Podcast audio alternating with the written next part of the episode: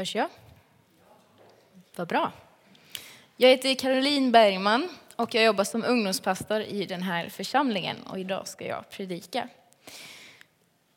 Jag ska också passa på att säga hej till familjen Gerbaka som följer oss via webben. Och ja, jag fick en godis.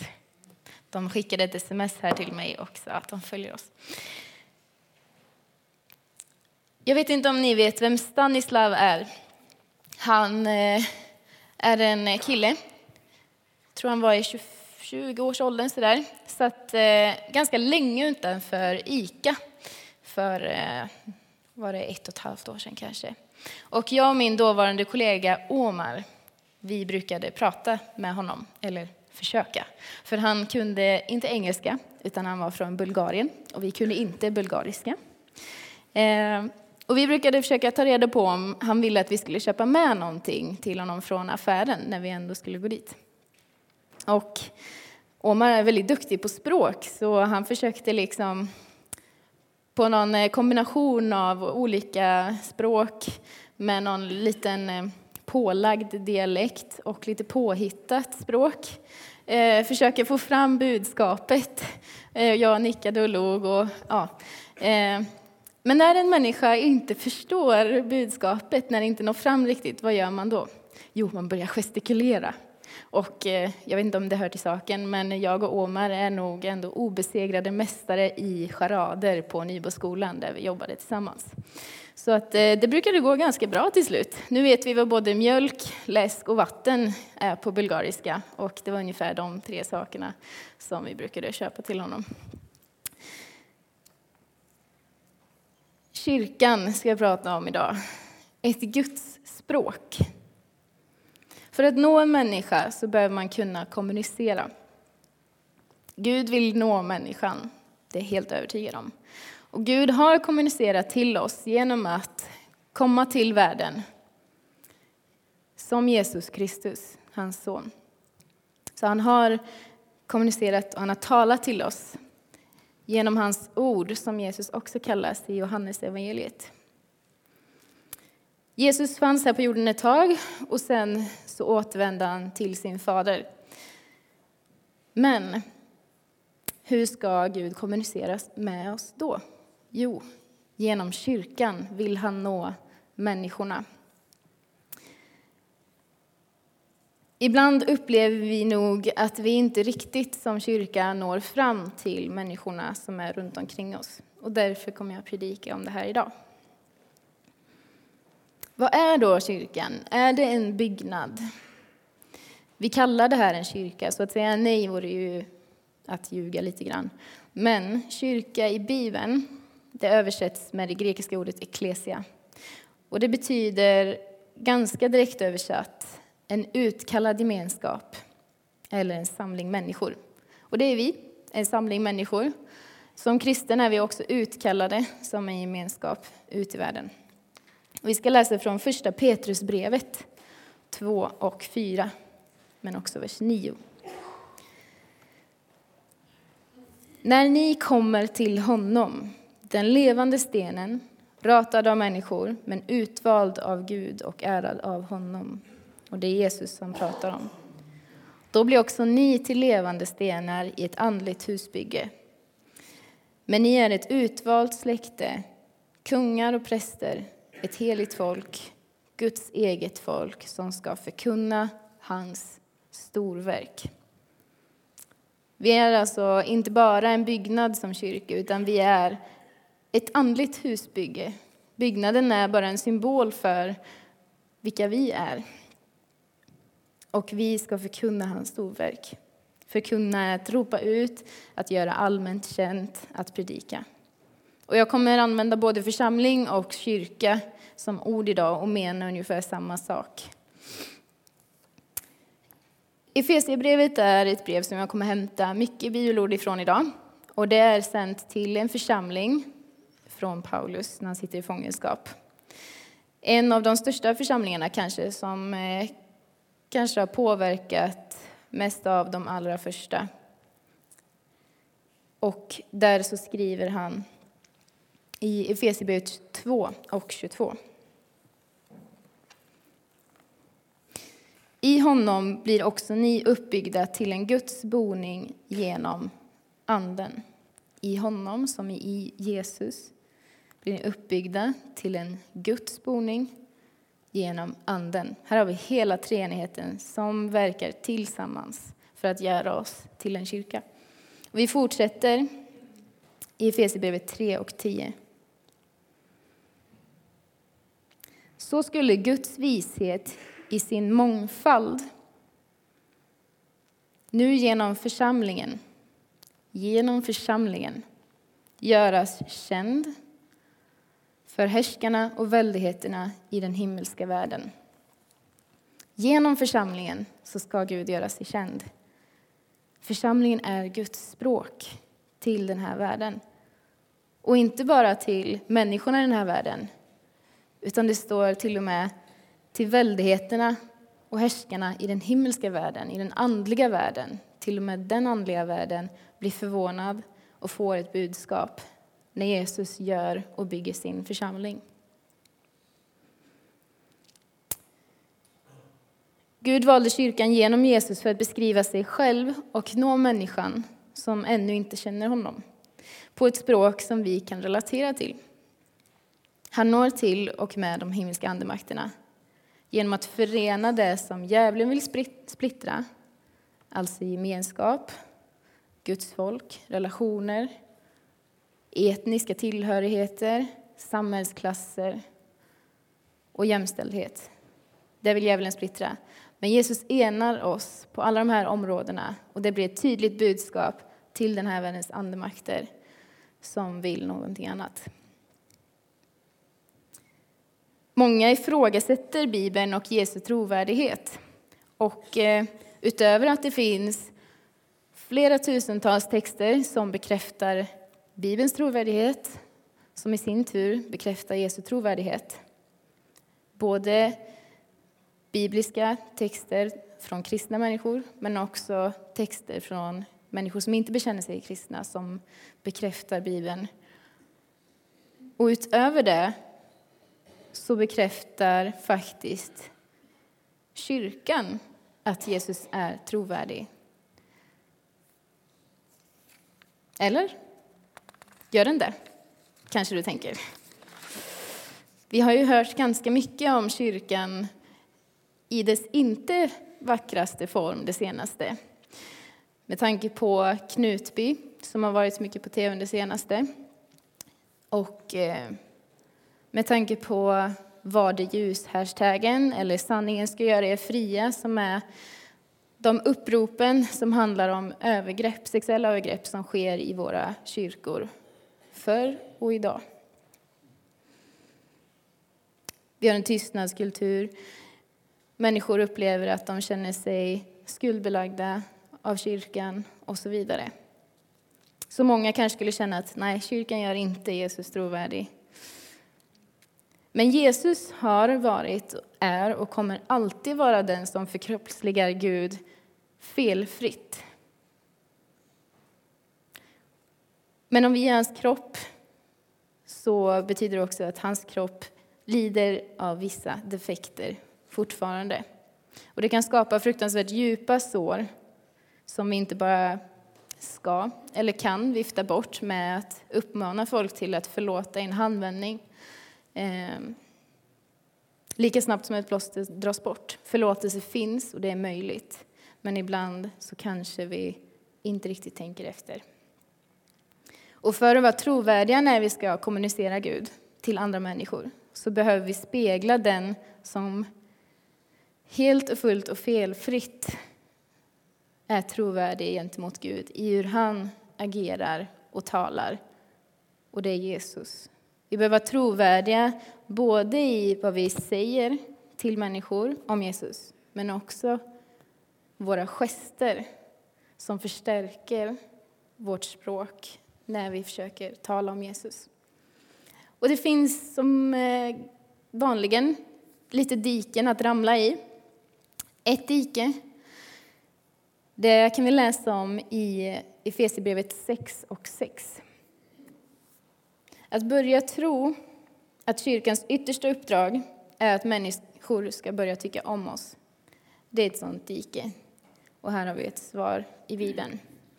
Var inte ögontjänare som försöker ställa sig in hos människor, utan var Kristi slavar som helhjärtat gör Guds vilja. Tjäna villigt som ni gör när ni tjänar Herren och inte människor. Så ett dike kan ju vara att vi, ja men, vi skulle ju få människor att börja tycka om Jesus. Så att vi fastnar så mycket att folk ska börja tycka om oss att vi kanske missar några andra poänger och börjar rucka på saker som är sanna men lite obekväma. Ett annat dike då kan ju vara att glömma det här med att människor faktiskt bör få en positiv bild av kyrkan och vara så hårda och så noggranna med att berätta om vad som är rätt och fel att vi glömmer att möta människor med kärlek och nåd. Kanske fokuserar vi bara på att predika för de redan frälsta och glömmer att vi ska visa kärlek till hela världen, för Gud älskar hela världen. Och även där hittar vi ett svar i Efesierbrevet 2 och 10. Ty hans verk är vi, skapade i Kristus Jesus till goda gärningar som Gud har förberett så att vi ska vandra i dem. Och vi behöver inte... Ibland kan det vara ansträngande att, vara, att göra goda gärningar. Men Gud har förberett dem för oss. Så vi kommer inte behöva liksom, uppmana all kraft vi kan för att kunna göra dem, utan han har förberett dem och vi ska bara kliva in i dem. Hur ska vi hålla oss på den här vägen då, utan att hamna i de här dikena? Jag tror att en nyckel är att titta på vems är församlingen?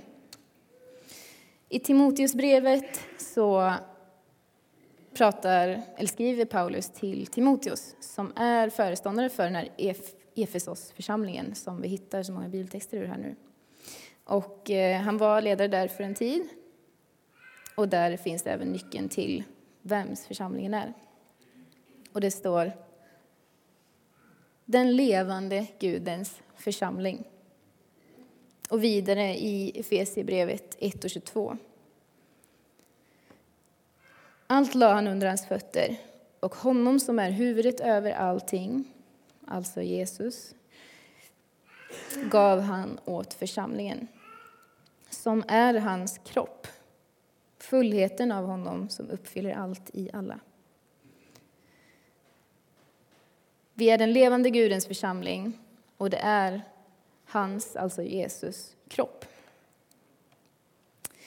Vår kyrka är inte Björn Söderbergs, det är inte Jörgen Davidssons, det är inte Martin Kvidals, Sven Attelöfs, Bengt Richters, Caroline Bergmans. Inte din och inte min och inte samhällets. Inga pastorer som har varit eller kommer komma, utan den är först och främst Jesus Kristus församling. Han har valt, friköpt vår församling och han bygger den fortfarande. Han har låtit den världsvida kyrkan överleva världskrig, svält, sekularisering och jag är övertygad om att han tänker inte ge upp på oss utan han kommer fortsätta låta kyrkan överleva genom alla de här sakerna. Och det här gör vissa frågor mer oviktiga. Till exempel, passar detta mig? Gillar jag hur predikanten klär sig idag? Eller hur hon talar? Gillar jag musiken? Är den här kyrkan cool och populär? Plötsligt handlar det inte lika mycket om vad jag tycker om. Istället blir några andra frågor viktiga. Är Jesus i centrum i den här församlingen? Låter gemenskapen sig förvandlas av Jesus? Möter den här gemenskapen världens verkliga behov? Man skulle kunna jämföra den här grejen med att stämma ett piano.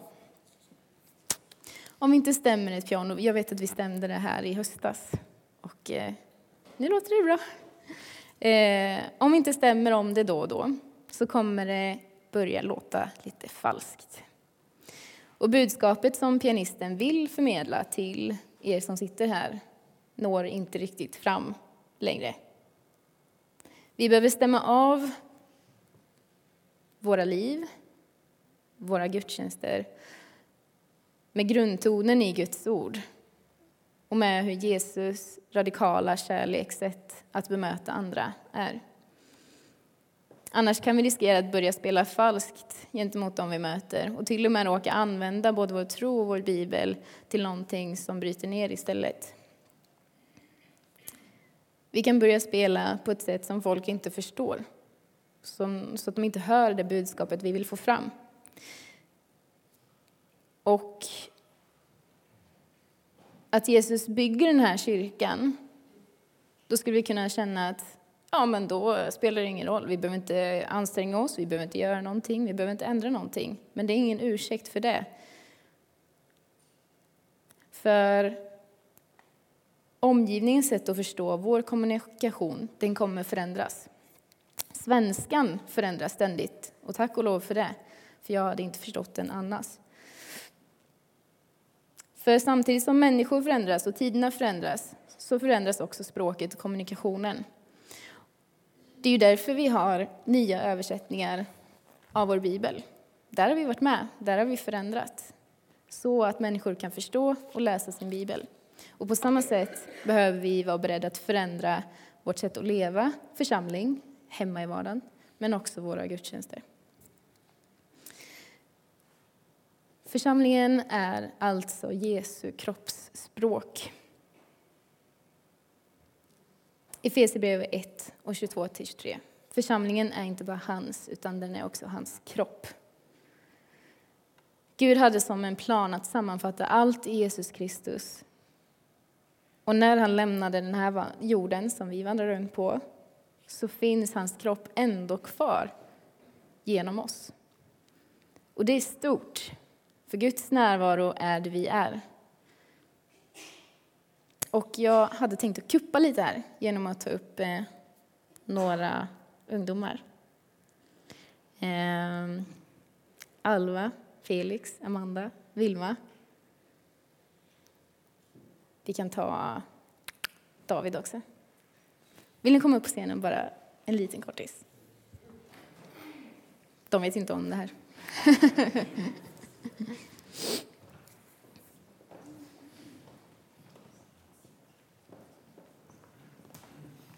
Guds språk plus Jesus kropp, det är församlingen.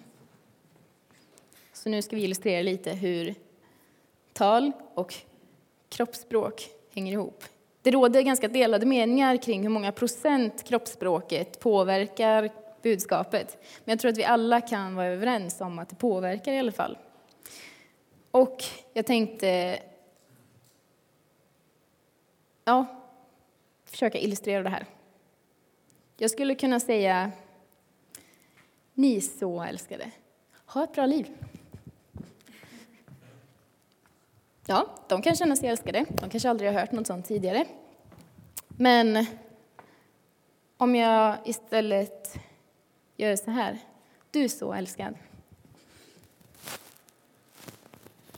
Felix, du är så älskad. Kan vi inte ta en fika du och jag? Lite kvalitetstid. Jag älskar dig.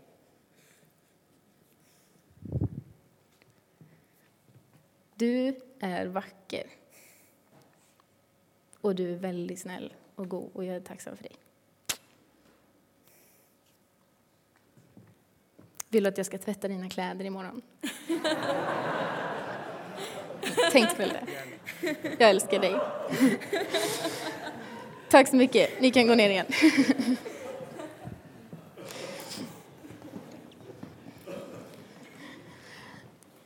Jag illustrerade ett exempel på de fem olika kärleksspråken som Gary Chapman skriver om i sin bok. Och jag tror att de kan funka på församlingen lika mycket som de gör i relationen mellan två människor. Jag älskar dig med armarna i kors.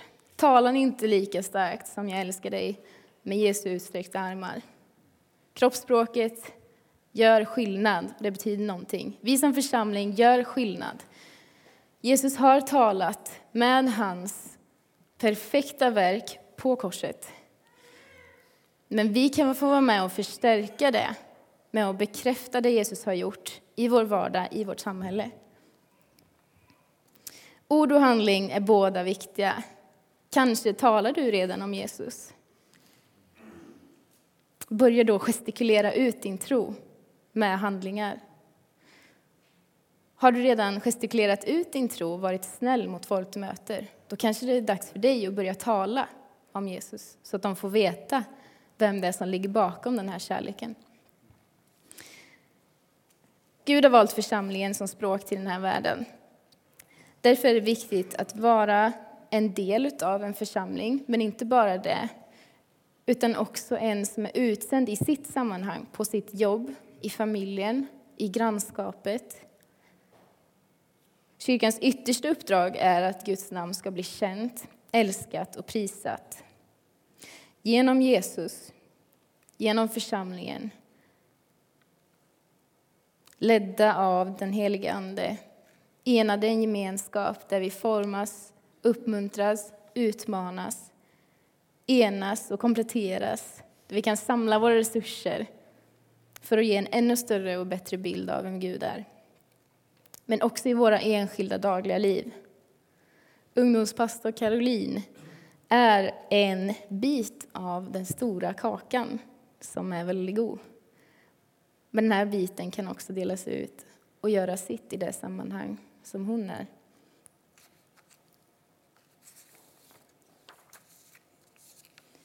Den sista delen jag kommer gå in i ska jag börja med att visa Pingstvisionsfilm.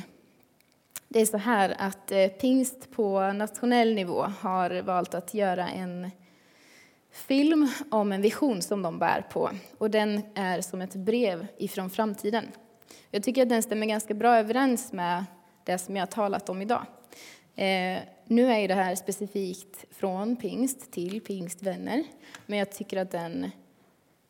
Jag tror att de flesta församlingar i det här landet drömmer om samma sak. Så vi ska kolla på den innan vi går in i den sista delen av predikan. Pingströrelsen i Sverige, det är just en rörelse där vi vill ha Jesus Kristus i centrum och där den personliga upp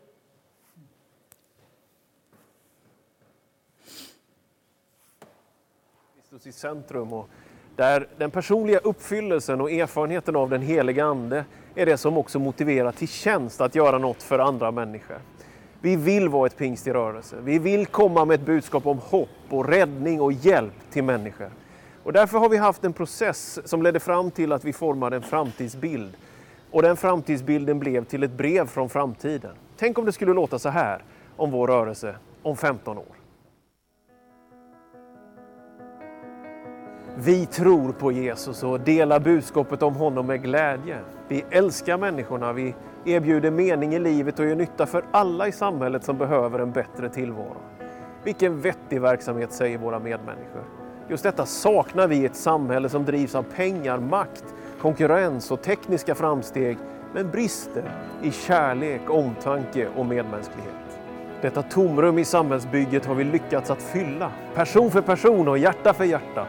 Och som tack har vi fått en omstart och nystart som rörelse och en helt ny ställning i Sverige. Vi har vuxit till flera hundratusen människor och är kända som en varm, andlig, vardagsnära och attraktiv rörelse där troende från alla samhällsklasser känner sig hemma, oavsett om de är från Karlstad eller Khartoum. Vi har hjälpt massor av nyanlända att starta ett nytt liv i Sverige och blivit en rörelse där många hittar trygghet, gemenskap och sina första lokala vänner. Vi har nått ut i samhällsdebattens olika medier och våra medlemmar och medlemsorganisationer står alltid stadigt på de utsatta sida och missionerar för en större rättvisa över hela världen.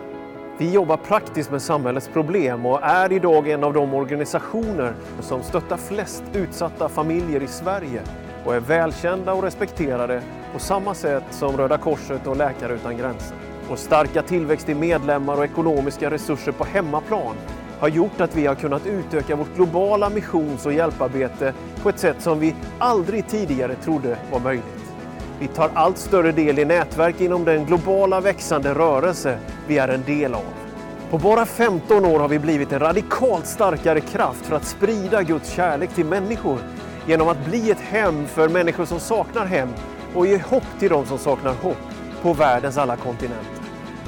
Berättelsen kan sammanfattas i ett långsiktigt framtidsmål att pingst ska bli kända för vår genuina kärlek till Jesus och människor, vara en tydlig respekterad röst i samhället och en rörelse som aldrig slutar att växa.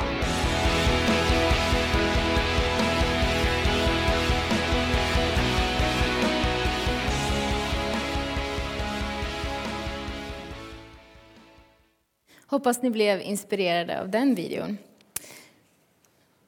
Och det här gäller inte bara Sverige och världen, utan handlar också om Tibro. För här är vi, och här kan vi göra skillnad. Jeremia 29.7 står det något som jag tycker talar så starkt om det här.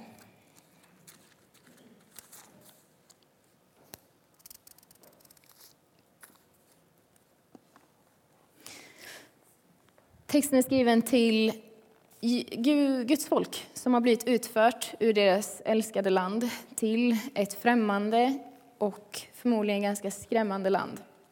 De lever i exil och de får det här budskapet.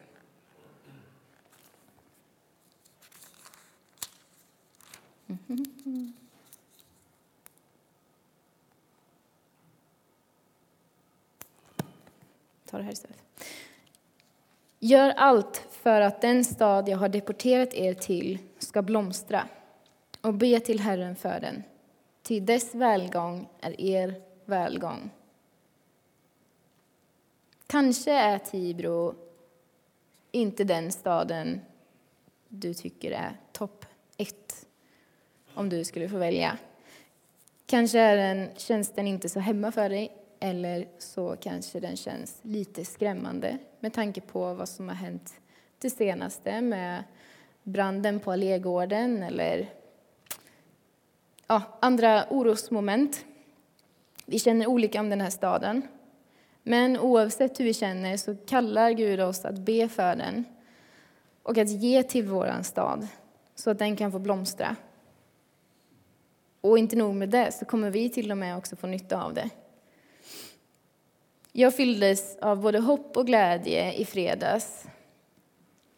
Först så var det lite konstigt att eh, vakna och vara vid bussen klockan sex på morgonen och se nio olika ambulanser och det var rök och man kände att det här är inte bra. Men sen fylldes jag av hopp och glädje när präster, pastorer, Tibrobor tog chansen att visa kärlek och stöd och uppmuntran och omtanke till kommunen och till de som jobbade med det här hela natten. Och det hände till och med innan solen ens hade hunnit gå upp. Så låt oss ta de chanserna när saker händer i Tibro. Och det gör det ständigt. Folk kämpar varje dag med olika saker i vår kommun. Så låt oss ta chansen att få visa på Guds kärlek i de tillfällena. Och låt oss vara först på plats och ta chansen och visa den kärleken. Och jag tänkte att vi skulle respondera på det här bibelordet genom att be för Tibro idag. Så jag kommer sätta på, eller jag kommer få hjälp att sätta på en låt som eh, kommer gå och under tiden kan vi hjälpas åt att be för de här olika sakerna som står på skärmen och det som du kommer på, det som bultar här inne i ditt hjärta. Eh. Mm. Vi ber för det här tillsammans och eh, sen ska jag avsluta så går vi in i en stund av bön och lovsång. För den här världens skull, som